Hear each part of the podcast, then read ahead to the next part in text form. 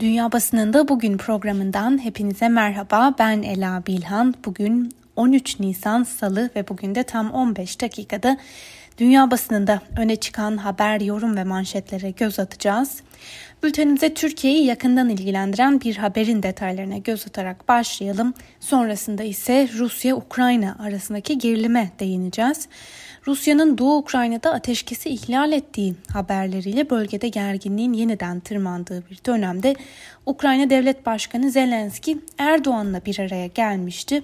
Karadeniz'deki hareketliliğe ve özellikle de Türkiye ile Ukrayna arasındaki bu görüşmeye tepki gösteren Moskova'nın ise bir dizi karar alması bekleniyor demiştik ve öyle de oldu.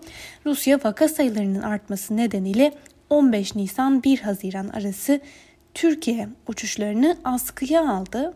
BBC ise aktardığı haberde şu ayrıntıya dikkat çekiyor. Türkiye ekonomisi için Rus turistlerin büyük bir önemi bulunuyor.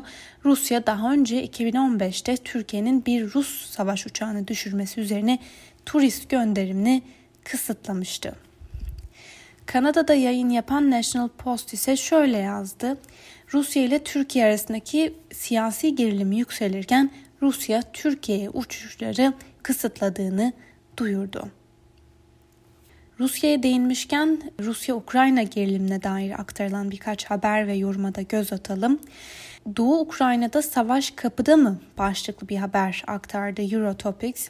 Buna göre Kremlin sözcüsü Dimitri Peskov son olarak Rusya'nın vatandaşlarını korumak için Donbas'a müdahale edeceğini dile getirdi. Bölgede Rus pasaportu taşıyan yüz binlerce insan yaşıyor. Geçtiğimiz günlerde bölgede çatışmalar yaşanmış. Aynı zamanda Rusya Ukrayna sınırına asker göndermişti. Moskova bir tatbikat planladığını söylerken Kiev ise askeri bir harekattan endişe ediyor. Rus basınından Ekomoski tarihçi Yuri Piavorov'un görüşlerine yer vermiş. Fetihler Donbas'ta sadece ebedi nifak tohumları ekiyor başlıklı yoruma göre. Rusya Donbas'a yerleşip üstüne bir de Ukrayna'dan başka topraklar koparırsa ülkede intikam duyguları depreşecek ve bir sonraki savaş ufukta belirecektir. Ukrayna ve Birleşik Batı bir Rus çıkarmasına karşı başarıyla karşı koyamazlarsa farklı revizyonistler türer. Tarihte benzer bir durum Fransa ile Almanya'nın Alsace-Lorraine'deki rekabetiydi. Askeri yöntemlerle çözülmesi imkansız olan bu sorun ancak 20. yüzyılın ikinci yarısında Avrupa'nın entegrasyonuyla gündemden düştü. Çek basınından Hospoderske Novini gazetesi şöyle diyor.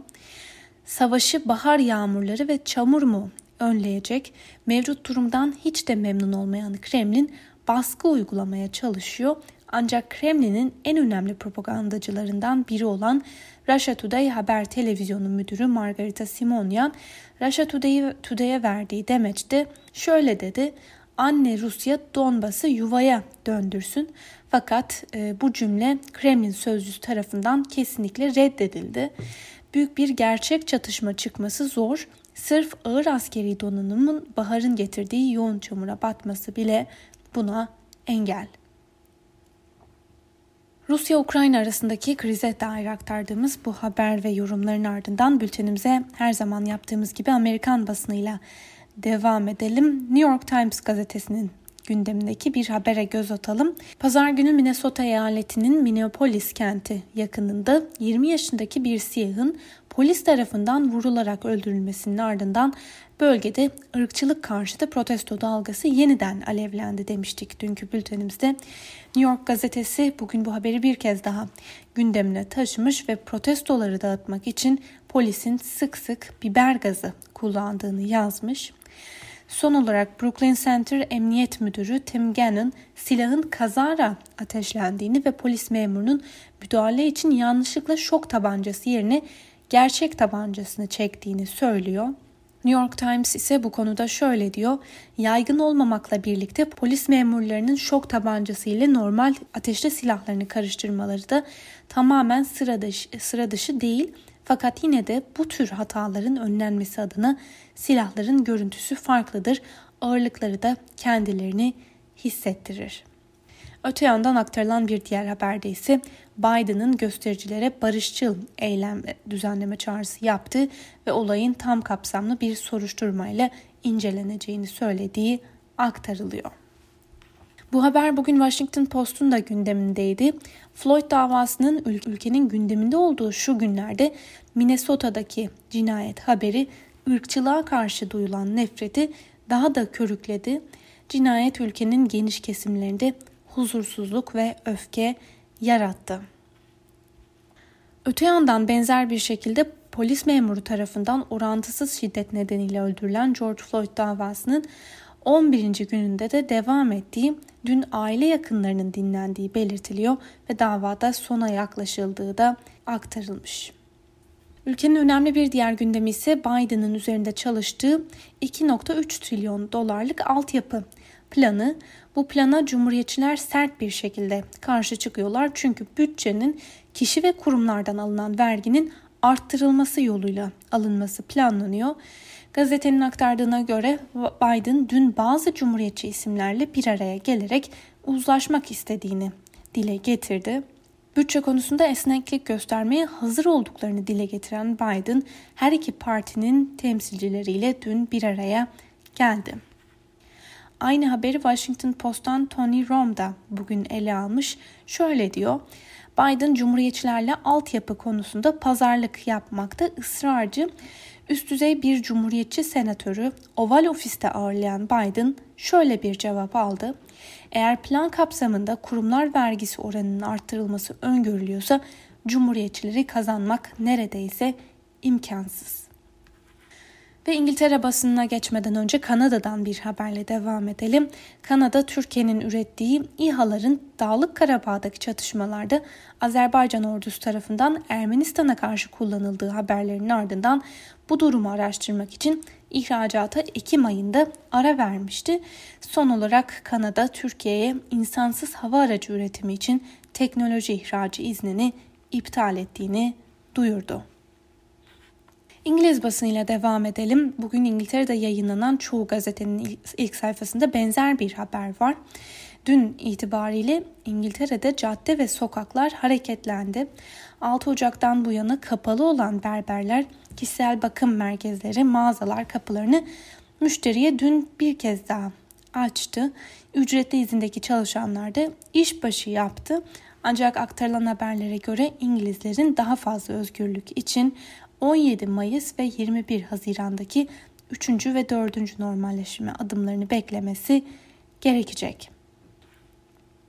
The Ay gazetesi dün insanların sokaklara akın ettiğini yazmış, caddelerin ve kafelerin yoğun ziyaretçi akınına uğradı ve alışveriş için sıraya girenlerin uzun kuyruklar oluşturdukları belirtiliyor. Öte yandan bakanların üzerinde çalıştığı bir öneriye de yer vermiş gazete. Buna göre hükümet aşılama sürecinde sonbaharda farklı farklı aşıları bir arada kullanarak daha güçlü bir sonuç elde etmeyi planlıyor. Yani özetle bağışıklığı arttırmak amacıyla sunulan aşının dışında bir aşının daha kullanıma sunulması önerilebilir. Ülkenin gündeminde dünden bu yana skandal niteliğinde bir haber daha var. İngiltere hükümeti eski başbakan David Cameron'ın lobi faaliyetleri hakkında bir soruşturma başlattı. Bu haberi bugün BBC de ele aldı. İngiltere hükümeti eski başbakanlarından David Cameron'ın bir finans şirketi adına bazı bakanlar nezdinde yaptığı lobi faaliyetleriyle ilgili soruşturma başlattı. Soruşturmayı hükümet adına avukat Nigel Boardman yürütecek. İngiliz gazeteleri son haftalarda Cameron'ın şirket adına Maliye Bakanı Rishi Sunak ve bakan yardımcılarına telefon mesajları yolladığını yazdı. Ve bugün aynı haberi manşetine taşıyan The Guardian gazetesi ise hükümet kaynaklarına dayandırdığı haberinde şöyle diyor. Eşi benzeri görülmemiş bu soruşturma Başbakan Boris Johnson'ın eski rakibine yönelik kişisel bir saldırı değildir. Yürütülmesi gereken bir soruşturmadır bu. Halk skandalın şeffaf bir açıklamasını hak ediyor diyor hükümet kaynakları. Alman basınının gündemindeki önemli haberle devam edelim. Dün de aktardığımız gibi Alman basınının gündeminde son günlerde önemli siyasi bir mesele var. Almanya'da Hristiyan Sosyal Birlik Partisi'nin genel başkanı Markus Söder ile Hristiyan Demokrat Birlik Partisi Genel Başkanı Armin Laschet Eylül ayında yapılacak seçimde başbakan adayı olmak istediklerini duyurdu. Markus Söder'in sonradan tavır değiştirmesi ve adaylığını ilan etmesi ise işleri karıştırdı. Deutsche Welle'nin aktardığı haberde şöyle deniyor. Almanya'da iktidardaki Hristiyan Birlik Partileri 26 Eylül'deki genel seçimlerde ortak başbakan adayının kim olacağını belirlemeye çalışıyor. Dün hem CDU Başkanlık Divanı hem de genişletilmiş parti yönetim kurulunun Laşet'in başbakanlık adaylığına geniş destek verdiği açıklandı. Öte yandan kamuoyu yoklamalarına göre seçime girmesi durumunda Laşet'e kıyasla çok daha fazla destek bulacağı anlaşılan Söder, Başbakan Merkel'in desteği olmayan bir adayın seçimi kazanma şansı yok diyerek son sözü Merkel'e bıraktı. Merkel ise hangi adayı tercih ettiği konusunda şu ana kadar bir açıklama yapmadı. Uzmanlar koronavirüsü pandemisine karşı mücadelede başarılı olabilmek için hayata geçirilen kısıtlamaların gevşetilmesinden yana olan Laşet'in kamuoyunda sevilmediğini belirterek aday olması durumunda birlik partilerinin seçimi kazanma şansının düşeceğini belirtiyorlar. Deutschlandfunk'un bu konudaki yorumuna göz atalım. Markus Söder daha şimdiden kazanmış durumda. Her halükarda gönüllerin adayı olacak. Söder, Almin Laschet karşısında başarılı olacak olursa Almanya Federal Cumhuriyeti'nin yeni başbakanı olma şansı son derece yüksek. Ancak Armin Laschet başarılı olursa ki bu ihtimal daha yüksek, Söder Bavyera'da yine de mükemmel pozisyonu muhafaza edecektir. Bu durumda Söder başarılı olma şansı yüksek olsa da aday gösterilmeyen kişi sayılacak yani mağdur durumda gözükecek ve seçmen tarafından ödüllendirilecektir. Bu haber bugün Eurotopics'in de gündemindeydi. Avusturya'da yayınlanan Wiener gazetesi önemli bir noktaya işaret ediyor. Şu ana dek CSU'nun hiçbir adayı başbakanlık yarışını kazanabilmiş değil. CSU bölgesel bir parti ve totaldeki oy oranına bakıldığında 2017 seçimlerinde federal meclisteki koltukların ancak %6'sını alabilmişti. SSO'yu güçlü kılan oy oranı %27 civarında olan CDU ile kurduğu birlik aslında. Bu açıdan bakıldığında Zöder'in başbakanlık adaylığı önemli bir risk teşkil etmekte. Bültenimize Rus basınından Moscow Times'ın gündemdeki bir haberle devam edelim. Moscow Times'ın gündeminde Rusya için büyük öneme sahip bir yıl dönümü kutlaması var. Buna göre Rusya bu yıl ilk insanlı uzay uçuşunun 60. yıl dönümünü kutluyor. 12 Nisan 1961'de Sovyet Sosyalist Cumhuriyetler Birliği vatandaşı Yuri Gagarin dünyanın ilk insanlı uzay uçuşunu gerçekleştirerek uzaya giden ilk kozmonot ünvanına sahip oldu. Dün yıl dönümü vesilesiyle açıklamalar yapan Putin ise Rusya'nın uzay çalışmaları alanındaki gücünü ve başarısını koruması gerektiğini söyledi. Ve Moscow Times'ın gündemdeki bir diğer haberde ise Navalny'nin sağlık durumundan bahsediliyor. Buna göre Navalny haksız yere hapiste tutulduğunu savunarak 31 Mart'ta bir açlık grevi başlatmıştı. Sağlık durumu giderek kötüleşen Navalny'nin ölümünün engellenmesi için hapishanede zorla yedirilmeye çalışıldığı ve tehdit edildiği de belirtiliyor ekibinden gelen son açıklamalara göre. Japonya basınından bir haberle devam edelim. Bugün Japonya basınından Japan Times'ın gündemine taşıdığı habere göre Japonya hükümeti çevresel bir felaket ile sonuçlanacak bir karar almış durumda. Japonya Fukushima'daki kirli suyu okyanusa boşaltma kararı aldı. 7 yıldır Fukushima'daki bu suların ne yapılacağı büyük bir tartışma konusuydu. Nükleer reaktörleri yaşanan çevresel felaket sonrasında soğutmak için gereken yağmurlamada tonlarca yeraltı suyu kullanılmıştı. Fakat sonrasında bu suyun nereye akıtılacağı belirlenememişti. Bugün hem Fransız Le Monde gazetesi hem de Çin'de yayın yapan Global Times bu haberi gündemlerine taşımış ve kararın yüzyıllarca sürecek bir çevresel felakete yol açacağını yazmış. Tayvan'da yayınlanan Focus Tayvan'ın haberine göre Çin ile Tayvan arasındaki gerilim yükseliyor. Son olarak Tayvan, Çin Halk Kurtuluş Ordusu'na ait 25 savaş uçağının hava savunma tanımlama sahasını ihlal ettiğini bildirdi. Çin'de yayınlanan Global Times gazetesi bugün başyazısında Tayvan ile Çin arasındaki gerilimi ele almış. Özetle şöyle deniyor başyazıda. ABD'nin Tayvan ile ilişkisi ve yaratılan kamuoyu baskısı ana karının iradesini değiştiremeyecek. Gerilim arttıkça boğazlarda büyük çaplı savaş riski de artıyor. Bu riski ortadan kaldırmanın tek yolu Tayvan'daki yönetimin Çin anakarasına yönelik politikalarını değiştirmesi ve ABD'nin Tayvan adasını Çin'e karşı bir piyon olarak kullanma planlarından vazgeçmesidir.